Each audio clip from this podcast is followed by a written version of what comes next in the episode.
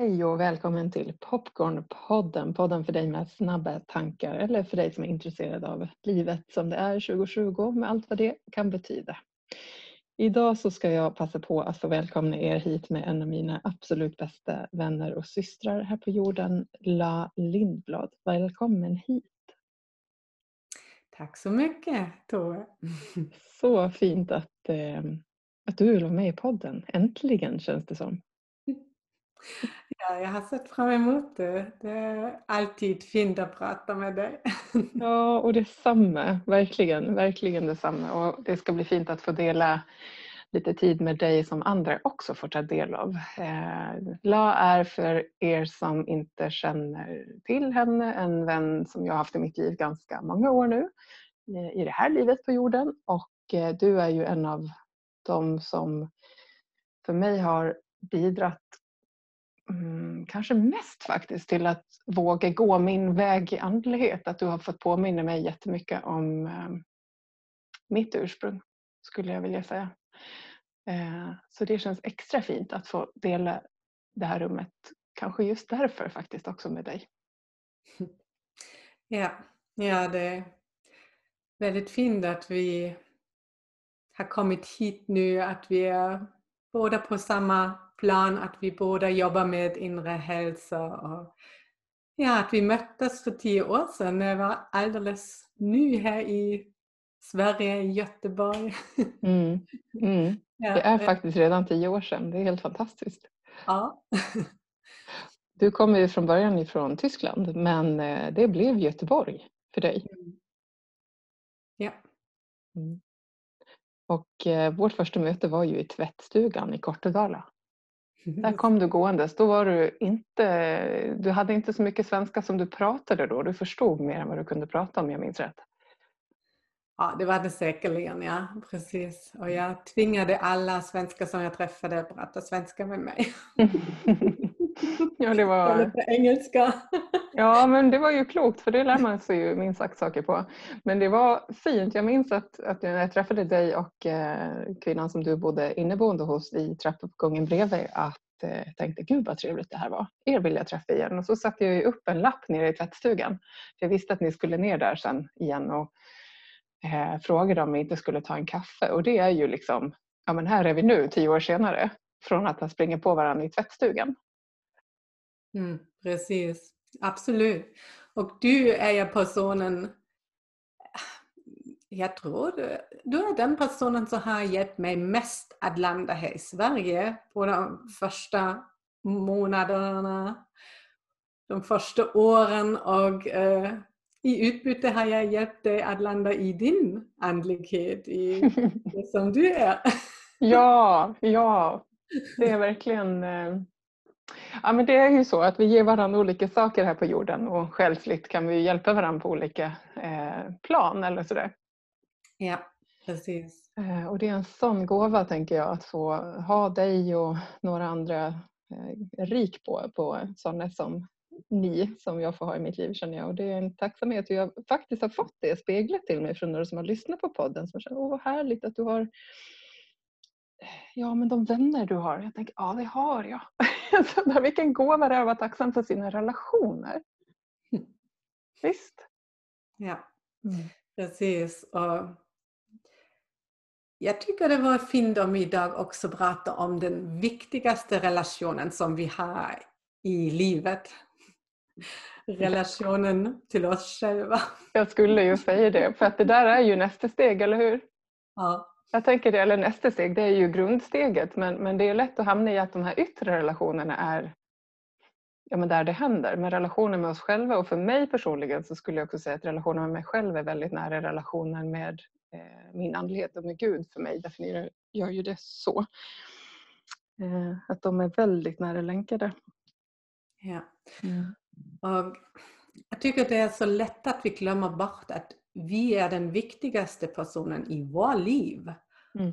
Och vi är den enda personen som vi kan påverka positivt. Alltså vi kan inte förändra saker och ting omkring oss eller bara i den här utsträckningen som vi förändrar oss själva. Mm.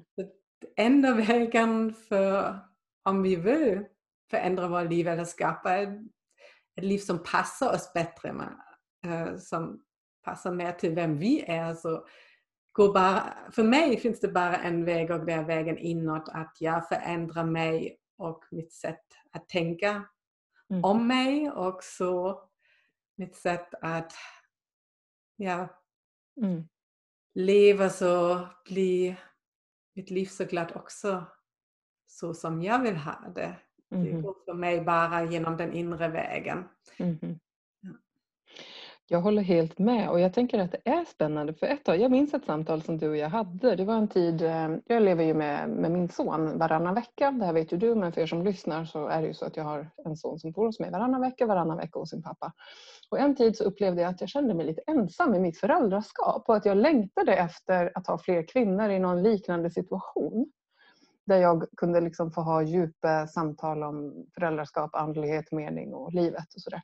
Och då minns jag att du och jag hade ett samtal på det. Ja men önska in det. Och sådär. Alltså att det här att relationen med mig själv kommer ju alltid först. Även om jag längtar efter mer av någonting i en relation med en vän eller partner så är det ändå i mig själv som jag måste börja. Just det. Mm. Och det är så himla viktigt att vi först näring till oss själva och då menar jag på alla plan att vi ser till att vi får näring för vår kropp men också för våra emotioner, för vår själ, att vi tar hand om att få det som vi behöver för att sen kunna ge till dem som vi är ansvariga för. Alltså det kan vara barn men det är också om, om man har ansvar för människor för att man är chef så måste man också se till att att må bra. För är du stressad så påverkar du din omgivning. Då blir också dina barn stressade och dina medarbetare också. Mm. Mm. Absolut. Mm. Absolut, det där är ju jätteintressant att det, det finns forskning på det. Det är ju lite torrt så här i sammanhanget men det finns forskning som bara, om man bara, bara tittar på sömn så har man sett att chefer som sover bra på nätterna har lägre sjukskrivningstal i sina arbetsgrupper. Mm. Så utan att du egentligen sagt någonting annat om livsomständigheter så bara den parametern sömn visar direkt relation till hur arbetsgruppen faktiskt mår. Just det. Så det är, ja. liksom, det är en väldigt så här, faktabaserad, så här, så här är det verkligen och där blir det väldigt konkret. Ja. Mm. Ja, det är sant. Jag har jobbat i många, många år som arbetsterapeut och en av de här sakerna som vi också lärde oss är att emotioner, känslorna, de smittar. Mm. Så att om du möter människor som har problem och är stressade och utåtagerande, då är det jätteviktigt att du stannar i din inre lugn. Mm. Och um, att hitta det här inre lugn, lugnet, det är en av mina saker som jag brinner för och som jag utforska mycket för mig själv. Hur jag stannar i mitt inre lugn eller kommer tillbaka till mitt inre lugn och som jag också älskar att ge vidare den här kunskapen till mina kunder, till mina kursdeltagare. Mm. Mm. Precis och det är spännande att du Eh, kommer med i podden just nu. För avsnittet innan dig så fick jag ju ett samtal med Annie Pettersson som jobbar med eh, funktionsmedicin på en klinik i Stockholm och där vi bland annat pratade om det här med näring, kostnutrition men också stress, psykosocial, eh, psykosocialt mående helt enkelt. Och eh, när jag nu idag när vi skulle spela in du och jag tänkte på dig så tänker jag att du har ju också en ingång på just den helheten och till det här med grundorsak till varför vi mår som vi gör. Skulle mm. du, så tolkar jag dig i alla fall. Skulle du hålla med mig om det? Absolut. Mm. Ja. Mm. Det är intressant och du på tal om kost och nutrition så är det ju så här, när jag har varit hos La i Göteborg så blir jag alltid mer inspirerad av att äta gröna goda saker. Du, du är fantastisk på att laga så här fantastisk mat. Man skulle vilja bo hos dig periodvis för att alltså äta gott. Ja, det gröna det genomsyrar min, min väsen. Alltså det, ja, mm. jag älskar också att äta gröna saker men ja, det som ger mig ännu mer näring det är att vistas i naturen. Ja, på temat den gröna energin. Mm. Ja, precis. Berätta lite Love, vad gör du idag? För de som inte känner dig eh, ännu, eh, vad är det du pysslar med eh, mest just nu? Just det.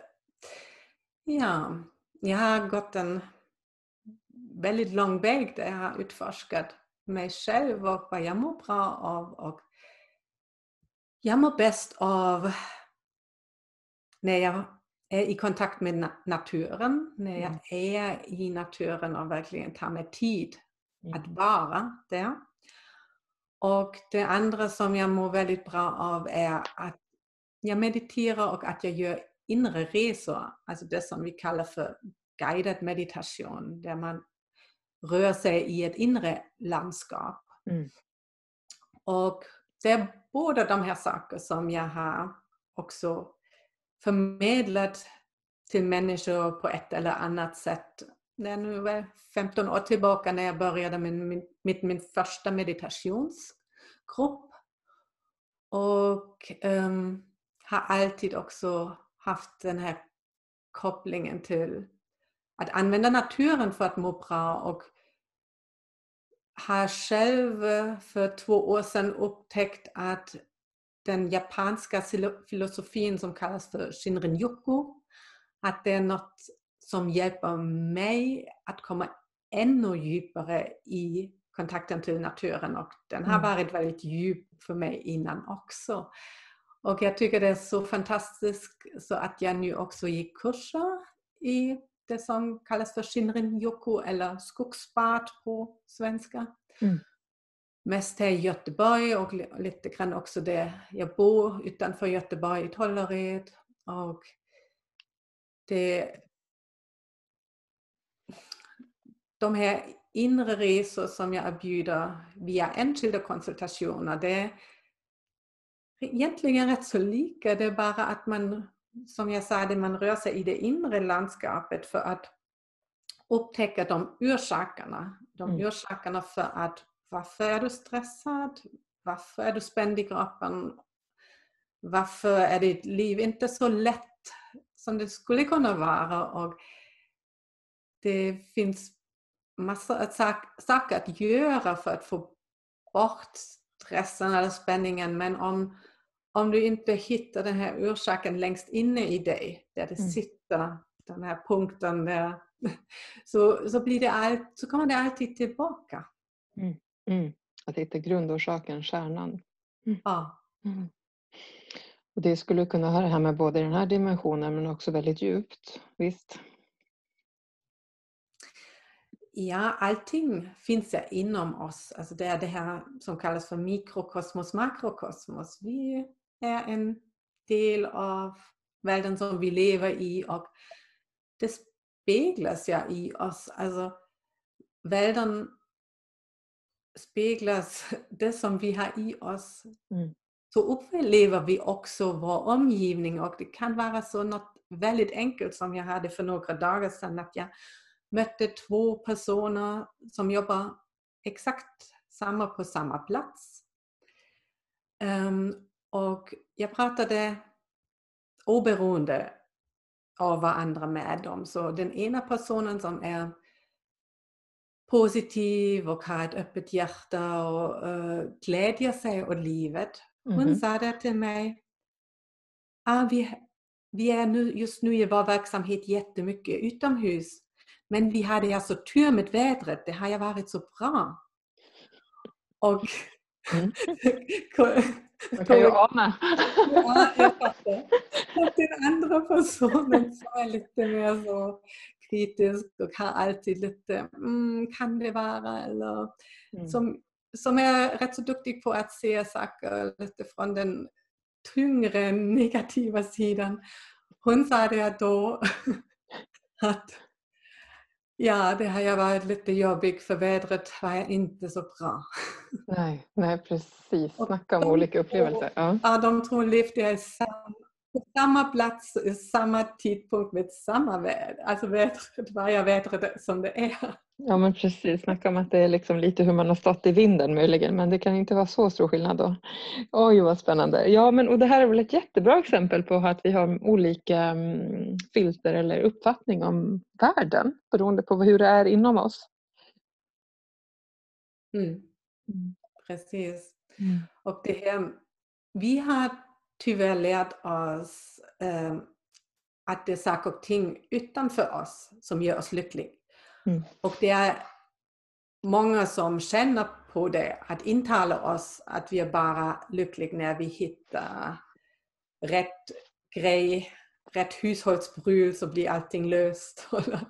Ja, Om vi köper ja. rätt grej, går på rätt, den semestern så är alla våra problem löst. Eller om vi hittar rätt person. Men ja, eh, om jag inte kan vara med mig själv, om jag inte lyckas vara lycklig och nöjd med mig själv, då funkar ett förhållande inte. Då kan ingen förhållande vara lycklig oavsett hur bra din partner är. Mm. Mm. Mm. Du kommer vara aldrig lycklig med dig och du kommer alltid hitta fel på dig med dig även om din partner inte ser de fel i dig. Om han älskar dig. Precis, och det här är ju ett livstema för väldigt många människor på jorden tänker jag. Och när du och jag lärde känna varandra så alltså, eh, det var någon annan eh, vän i mitt eh, nätverk som sa det att de som inte kände dig innan Akka, jag tror du också har sagt det innan Akka och nu Popcornpodden så kan man tro att du alltid har varit sån här. Jag tänkte att ja det kan man tro. och du om någon vet ju hur mycket drama det har funnits just i relation till eh, inte minst män. Ehm, där jag ju hade jättelång tid och, och fortfarande får verkligen eh, dag för dag välja relationen med mig eh, först. Hela, hela tiden. Men så mycket drama som jag har lagt på just det där att då när den och den personen kommer in i mitt liv då ska allt vara bra. Då är jag komplett i princip. Så såg det ju mycket, mycket ut förut faktiskt. Och om jag hade lyssnat på dig för x antal år sedan så hade jag blivit provocerad av dig. Tror jag mm. faktiskt. En del av mig hade bara känt sig, men ja, ja, det är ju lätt för dig att säga, men det är inte helt sant, tror jag. Att jag eh, då eh, försöker se tillbaka energimässigt. Men jag tror faktiskt att det hade varit min reaktion. Idag mm. känns det helt sant i mig jag tänker att det är så himla spännande att få eh, sitta i det här samtalet med dig och känna sådär på skiftet som kan hända i oss själva, i mig, vilket skifte det har varit över de här åren. Mm. Vilken tacksamhet det är för att det är så mycket härligare att leva där jag är idag kan jag säga. Ja, mm. precis. Att jag dejtar mig själv idag. Ja. Mm. Vi kan inte må bra helt och hållet om vi upplever att vi är beroende på det som är omkring oss eftersom vi kan påverka det väldigt lite. Mm. Det som händer omkring oss. Vi kan påverka andra människor väldigt lite eller omständigheterna. Mm. Men om jag ändrar mitt inre och synen på mig, då, då behöver jag inte längre förändra det omkring mig för människor kommer reagera på ett helt annat sätt på mig. Mm. Så jag behöver kanske inte ens byta jobbet där mm. kollegorna kanske har varit jobbiga innan för att jag inte längre tänker vad jobbiga de är. Att jag går i, i mig och lösa det som gör att jag reagerar på deras sätt att vara. Mm. Om jag tycker den här kollegan är jobbig, då är det också en idé att så som han är, att, inte, att han inte är rätt som han är. Mm. Men alla människor är jag eh, så som de är. Jag kan bara ändra synen på honom eller henne och sen kan jag slappna av och, låta honom vara och då är jag inte längre i den här konfrontationen. Då har jag mm. accepterat och det tycker alltid första steget, att acceptera mm. livet och situationerna som de är just nu. Mm. Och den rackaren, det är ju en sån här Nobelprisnivå på för de allra flesta människor. Eller hur? Det är därför vi har jobb som vi har, att vi kan få guida människor i meditation och närvaro och acceptans bland annat. Därför att det är svårt. liksom. Ehm, hjärnan är ju också ganska mycket skapt för att liksom, bevaka faror och liksom nervsystemet ska skydda och hitta på liksom en massa lager. Och så inser vi att om jag är nu och här så behöver jag inte så mycket av det. Mm. Mm. Men vi är väldigt vana att ändå vara i den energin, att hela tiden vara framtid eller dåtid. Ja, precis. Och um, om, om vi nu tillåter oss att, att vara i nuet, då, då kan vi också känna den här stabiliteten som vi får genom att bara stanna upp och, och stå stadigt på marken och gå i kontakt med det vi står på. För jorden är stabil, den ger oss stabilitet. Men den ger mig bara stabilitet när jag stannar upp och tillåter mig att stå kvar. Om jag hela tiden på vägen någonstans så kan jag inte uppleva den här stabiliteten. Mm. Mm. Mm. Ja, men, och jag håller med. Eh, men, men om jag ska backa till min gamla energi så, så hör jag den gamla Tove säga och jag tänker för de som inte riktigt är med i hur vi menar just nu. Så bara, men om jag nu ska stå still, hur kommer jag framåt då? Sådär. Och jag tänker att det här är ju en sån här, att vi är, eller för mig är det det som händer, att jag liksom har fått jobba jättemycket det där att acceptans då nu och här. Ja, men jag har ju också enormt mycket driv. Ja, men genom att stå still så kan jag också lättare känna impulsen som är mera sann i mig, vilket blir mitt nästa steg. Än att rusa på i den första idén som kanske inte är eh, mm, ja, mest rätt. Mm, precis, och genom att stanna upp då kan vi också öppna oss för att ta emot. Um, om vi bara rusar hela tiden då kan positiva impulser som vill komma utifrån kanske inte nå oss om jag inte ens har tid att svara i telefon. Då kan den här personen som vill ge mig något jättefint inte ringa. Mm. Mm. Och genom att jag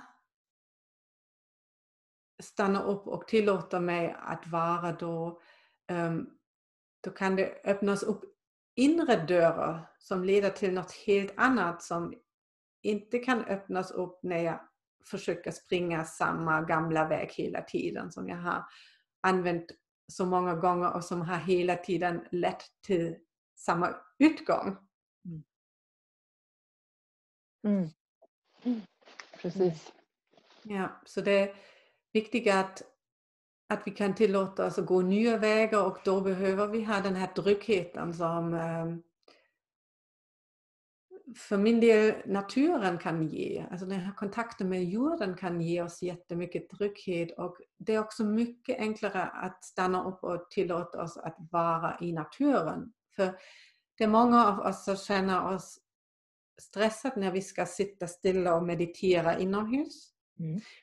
Och det beror delvis på att vi inte har skapat en lugn plats det som är bara till för att sitta och meditera och inte göra något. Och då händer det att vi försöker, så funkar det inte, så tror vi att vi inte kan, blir negativa och sen är hemma också så många saker som vi vet att vi ska göra, som mm. vi blir påmint hela tiden om. Mm. Och sen är det också lätt i de här fyra väggarna att det fastnar energier. Mm. Att det fastnar våra tankar. Så det känner vi alla, om vi då går ut och tar en promenad så börjar våra tankar flöda igen. Mm. Och så går vi en stund och går en sväng och så hittar vi någon plats som tilltalar oss där vi kan ja, kanske sitta ner eller luta oss mot ett träd och bara vara en stund. Och naturen den bjuder in till att vi får lov att göra samma sak som naturen. Alla plantor är hela tiden i den här energin. Mm.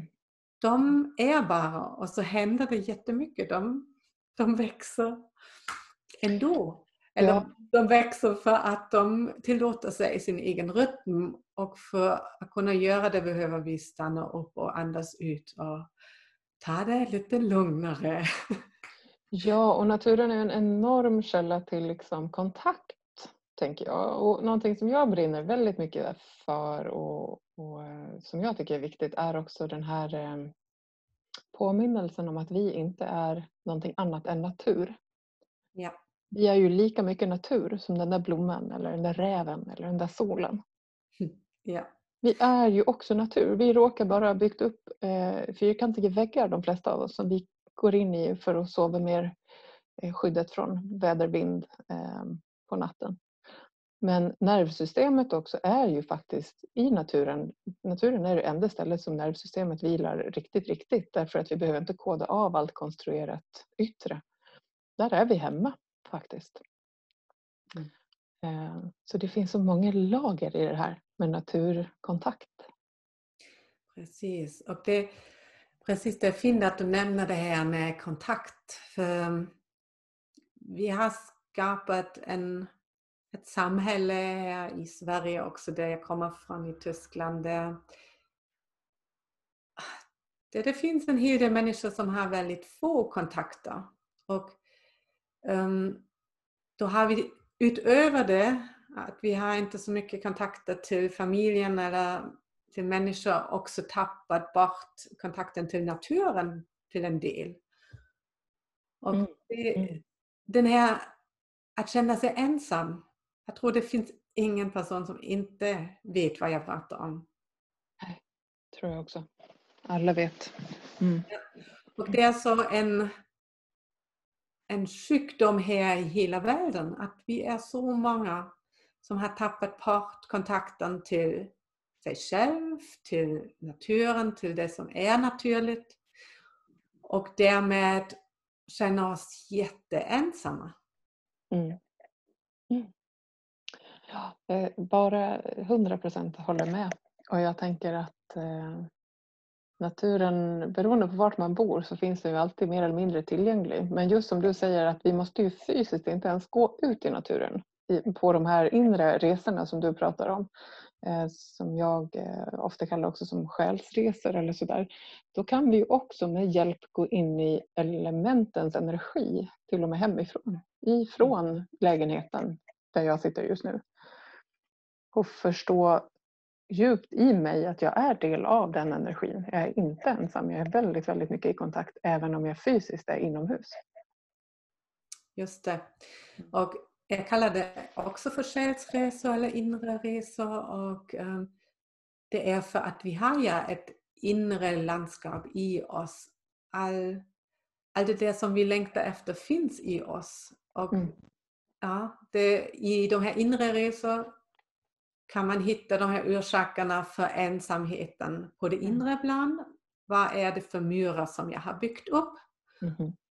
Um, och i naturen kan vi gå i kontakt med alla de levande varelser som finns i naturen. Och, och det berör också den här, det här, vår inre den här längtan efter närhet och beröring. Mina, mina fingertoppar som är så känsliga, de skiljer inte åt om jag nu smeker ett barn, om jag smeker någon katt eller hund eller om jag eh, berör ett mjukt blad eller någon, någon, um,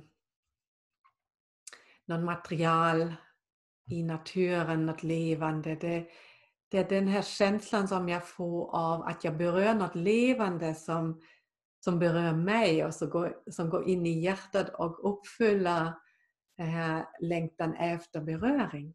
Mm. Mm.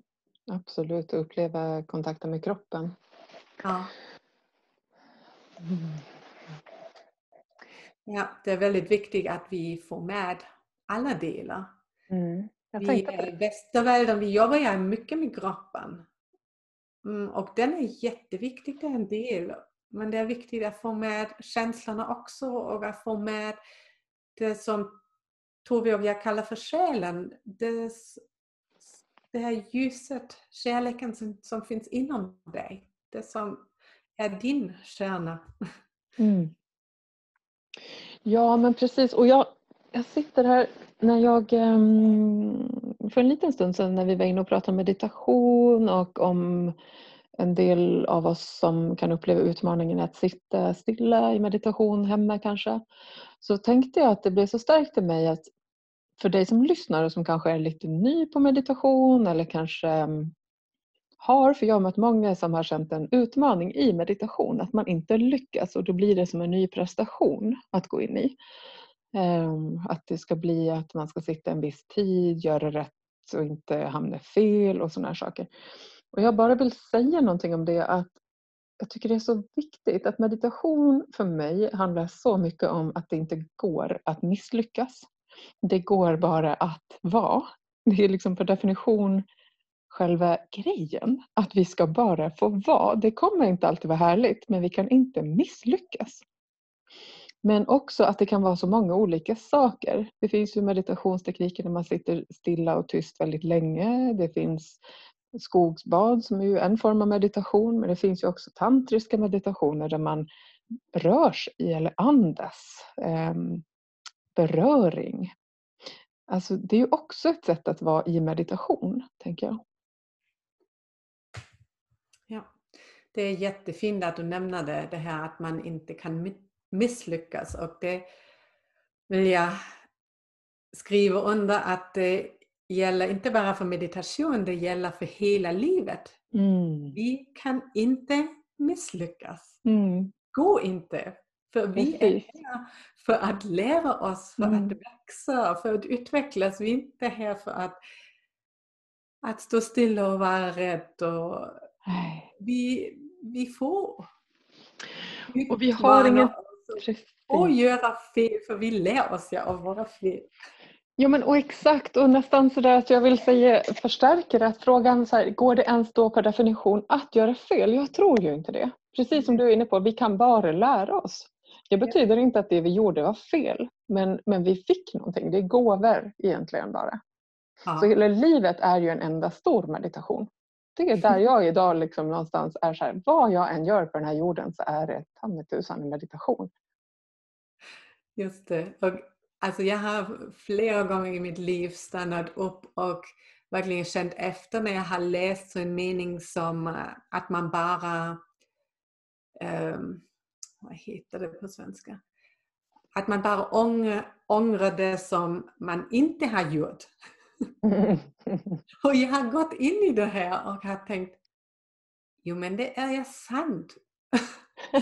det andra det blev inte alltid så bra men vad jag har vuxit eller jag har fattat mer av vem jag är och vad jag inte vill ha i mitt liv om det inte har varit bra.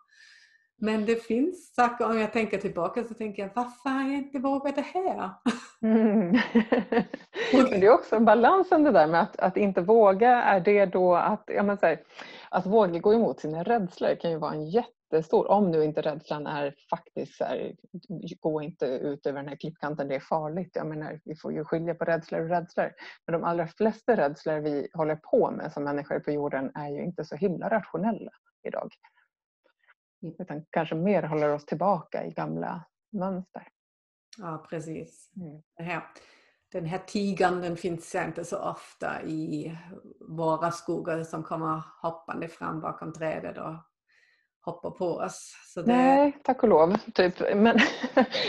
Men vi har ju lyckats att skapa massor med rädsla även om de här vilda djuren inte äter upp oss längre så är det våra tankar som kan äta upp oss.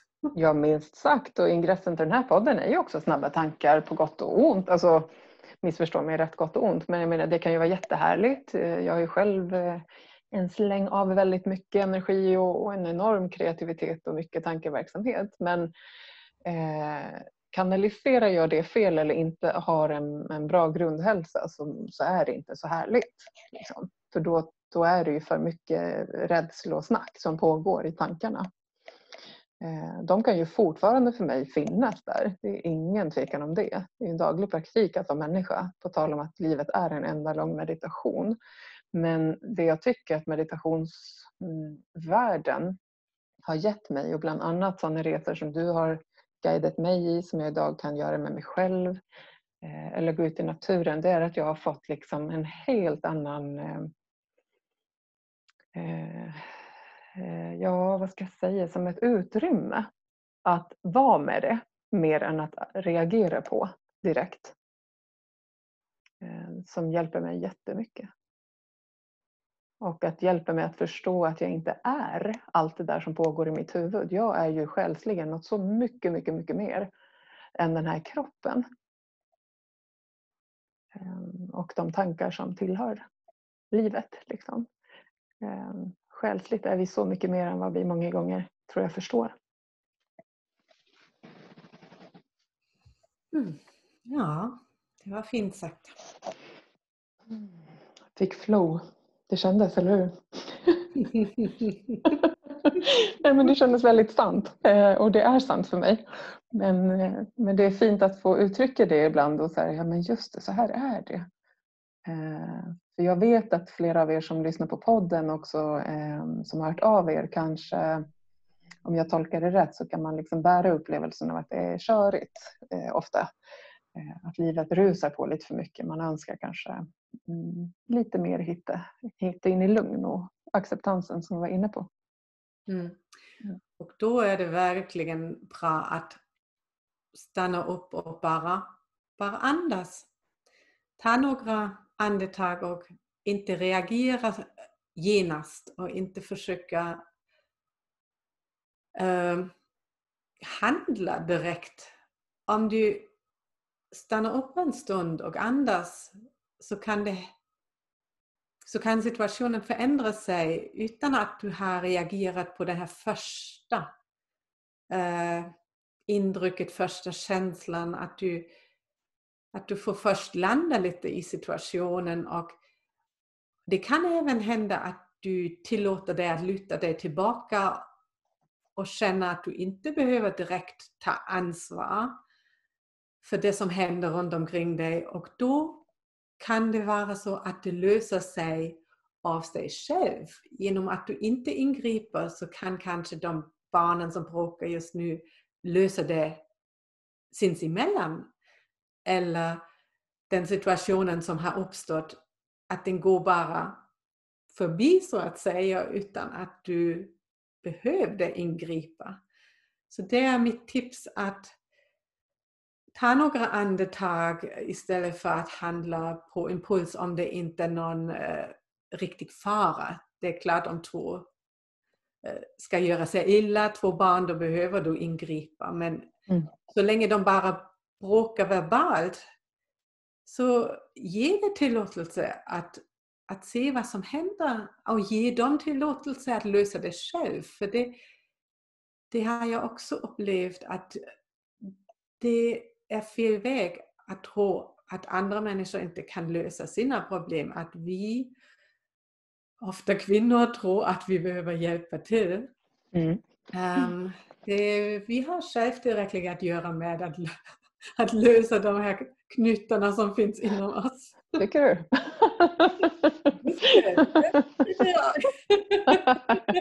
Förlåt.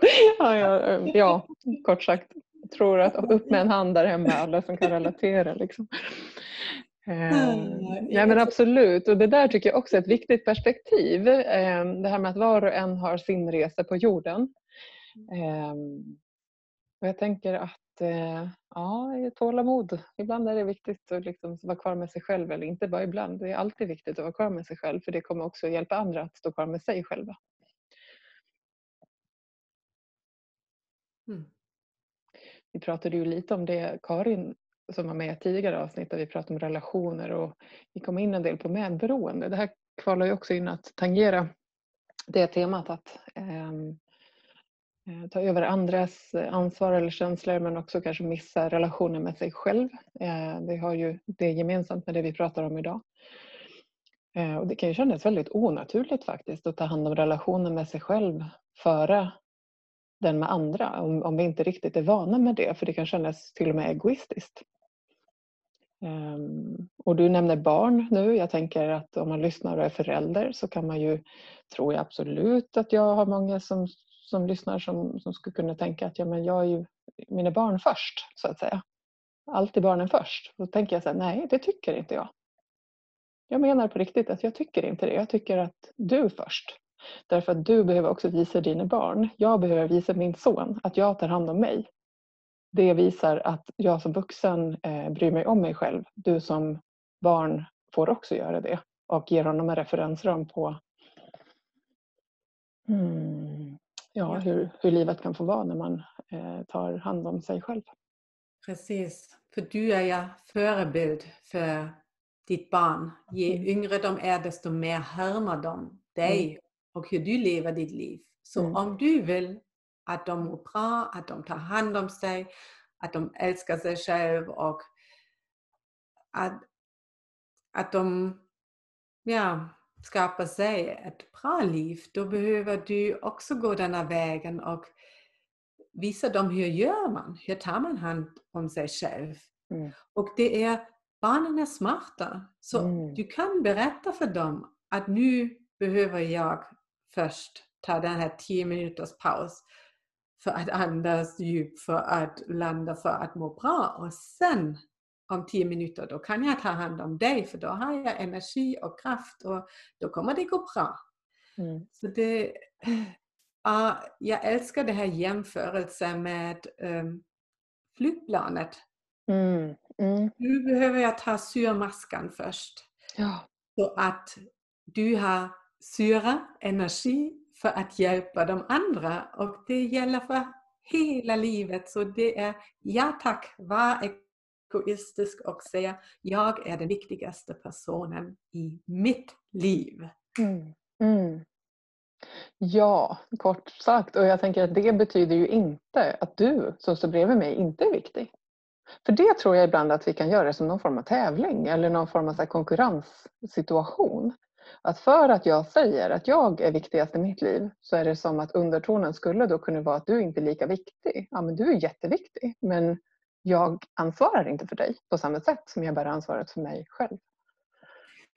Du, du behöver inte ens säga det, att du är viktig. Du bara, det räcker att du lever det. Det är mm. inget som behövs sägas högt. Det är din inre mantra.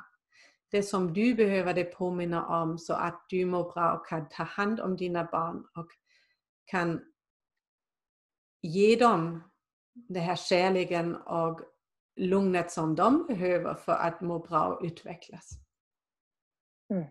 Mm. Mm. Absolut. Sen skulle jag vilja lägga till för de som tycker att det är... Jag har själv senaste tiden så har jag gjort en hel del sådana här eh, Eh, jag har gått en kurs i meditation som också handlar om eh, förankring i kroppen, embodiment kan man säga. Eh, fantastiskt fint. Jag har varit på väg och liksom haft en del av det på egen hand men nu går jag då en kurs med typ 200 andra på nätet, jättefint. Där det handlar mycket om det vi egentligen pratar om idag, tänker jag, med andning, relationen med oss själva men också eh, nervsystemet, att, att eh, Eh, aktivera nervsystemet när vi vill slå ifrån för att någonting är för svårt eller när vi vill lugna nervsystemet för att det är för överaktivt av olika anledningar, rädslor och sådär. Och där finns det ju tekniker att till exempel på temat andetaget ehm, det finns ju massor med olika andningstekniker men någonting som jag har tyckt varit väldigt hjälpsamt är till exempel att hålla handen, eh, händerna på hjärtat, andas in genom näsan ganska ordentligt och sen ljuda på vägen ut att ta kontakt med ljudet och låta ljudet också ankra dig i kroppen med sina vibrationer. Jättefint, du som är hemma får gärna prova. Men sen när du har gjort det ett andetag, kanske flytta händerna ner mot magen, nedre delen av magen. Eh, likadant där, andas in genom näsan och sen ljudet på vägen ut och känna grundningen i kroppen. Hela vägen ner och sen om du vill också ner mot rotchakrat, underlivet till. Eh, göra likadant där för att verkligen ankra neråt jorden med den energin. Det tycker jag är en helt fantastisk eh, andningsövning för att på riktigt komma i kontakt med eh, ja, hela mig. Verkligen. Som ett tips vill jag ge det till, eh, till er som lyssnar. Är det någonting du ehm, kan relatera till? På, eller har du någon annan som du skulle vilja skicka med också? Alltså jag håller med Tove, jag tycker det är helt fantastiskt verktyg, andningen. Och äh, jag gillar det som du beskrivit, det låter jättefint och jag upplever själv också att jag får mycket hjälp av den här utandningen med att det hörs. Att jag verkligen släpper med utandningen, det som jag hållit fast just då. Och det som vi har pratat om idag, det handlar mycket om att vi håller fast saker. Mm. Så ett bra naturligt flöde det kan bara uppstå om vi inte håller fast och då hjälper utandningen jättemycket. Så det är en jättefin övning för, för att ha lite sådana vardagsgrejer och det är också något som jag tycker är jätteviktigt att förmedla det här. Um, lär dig sådana fem minuters grejer där du kan hjälpa dig inom fem minuter för att, mm. att förvandla situationen just nu. Och jag har verkligen också märkt att jag, jag kommer att erbjuda det för barn och ungdomar som är stressade. Och då kommer fokusen ligga precis på de här snabba hjälpen, snabba åtgärder för att mm. landa, komma tillbaka, släppa för att må bra. Mm. Mm. Mm. Precis, för det hjälper oss också att inte behöva vänta till sen. För det är inte sen vi behöver det oftast. Det är, det är nu. Så, när det brinner till i huvudet. Eller, och också så är det en viktig sak, tänker jag, att det, det här är ju eh, nog för ett helt eget poddavsnitt men jag tror att en väldigt vanlig sak många av oss gör är, som du var inne på i början idag, det här med att sen när, då ska det här hända. Sen när jag träffar en partner, sen när jag bytt jobb, sen när jag har tid då så ska jag börja ta hand om mig själv. Jag tänker att det där sen och när, det är en enorm fälla tror jag. Det är inte sen, mm. det är nu. Och det är med små, små medel ganska enorma effekter vi kan uppnå faktiskt på att vara mm, kärleksfulla med oss själva. Precis, och det som jag tar nu, tänker jag till mitt slutord är också att um, ja, det är inte så särskilt lätt att vara i nuet. Det vet både Tove och jag att det är en lång resa och att det känns ibland väldigt svårt att ta emot. Men det är ännu lättare att göra det frivilligt. att välja att lära sig tekniker och möjligheter och andningsövningar för att landa i nuet istället för att, att livet tvingar dig. Att du mm. mår dåligt, att du blir sjuk, att du blir allvarligt sjuk och då tvingar livet dig att mm. stanna upp för då vet du inte om det kommer någon morgondag. Men vi som mår bra just nu, vi kan utgå ifrån att det är en morgondag. Men ändå är det bara nu som jag kan vara och handla och känna och också uppleva all, det, all glädje som livet kan ha. Det, livet är så fantastiskt men det kan jag bara känna just nu. Mm. Mm. Precis så. Så just nu är det gott att vara människa. oh, ja, tack La. Det är fantastiskt att jag har fått prata med dig den här stunden och fina avslutningsord, verkligen. Ja, tack själv Tove. Det var superfint att prata med dig. Mm. Tack, du, eh, tack alla lyssnare. Ja, jag tänkte just på alla våra fina lyssnare för jag tror att det är så här när man har lyssnat nu på vårt samtal så mig har man ju hittat till redan via Popcornpodden och man får gärna mejla till eh, popcornpodden gmail.com och följa både Popcornpodden och Akka meditation på Insta Facebook. Men Dejla, vart hittar man dig om man vill eh, följa ditt arbete? Då söker du efter LA, det är bara L och A och Lintblad är mitt H på slutet. Du kan hitta mig på sociala medier. Uh, Youtube hittar jag bara La Lindblad och annars på Instagram, Facebook hittar du mig på La Lindblad Inre Hälsa. Mm. Just det, och så har jag också en webbsida som heter com eller se. Spelar ingen roll, finns både och. Okej, okay, så man hittar dig på, på liksom de vägarna och vi kommer länka det i, eh, när vi delar också. Så det går att kolla i eh, inlägget som du har hittat det här via. La, tack för idag och eh, verkligen också varmt tack till alla er som har lyssnat. Kom ihåg naturen, kom ihåg att du är natur och eh, hör jättegärna av er till La eller, och eller mig för eh, funderingar, frågor och idéer till kommande avsnitt. Visst kan vi avsluta med det La? Absolut. mm. önskar dig och dig som lyssnar en jättefin eh, fortsatt dag när du än lyssnar på det här och eh, allt gott helt enkelt. Ha det gott, hej!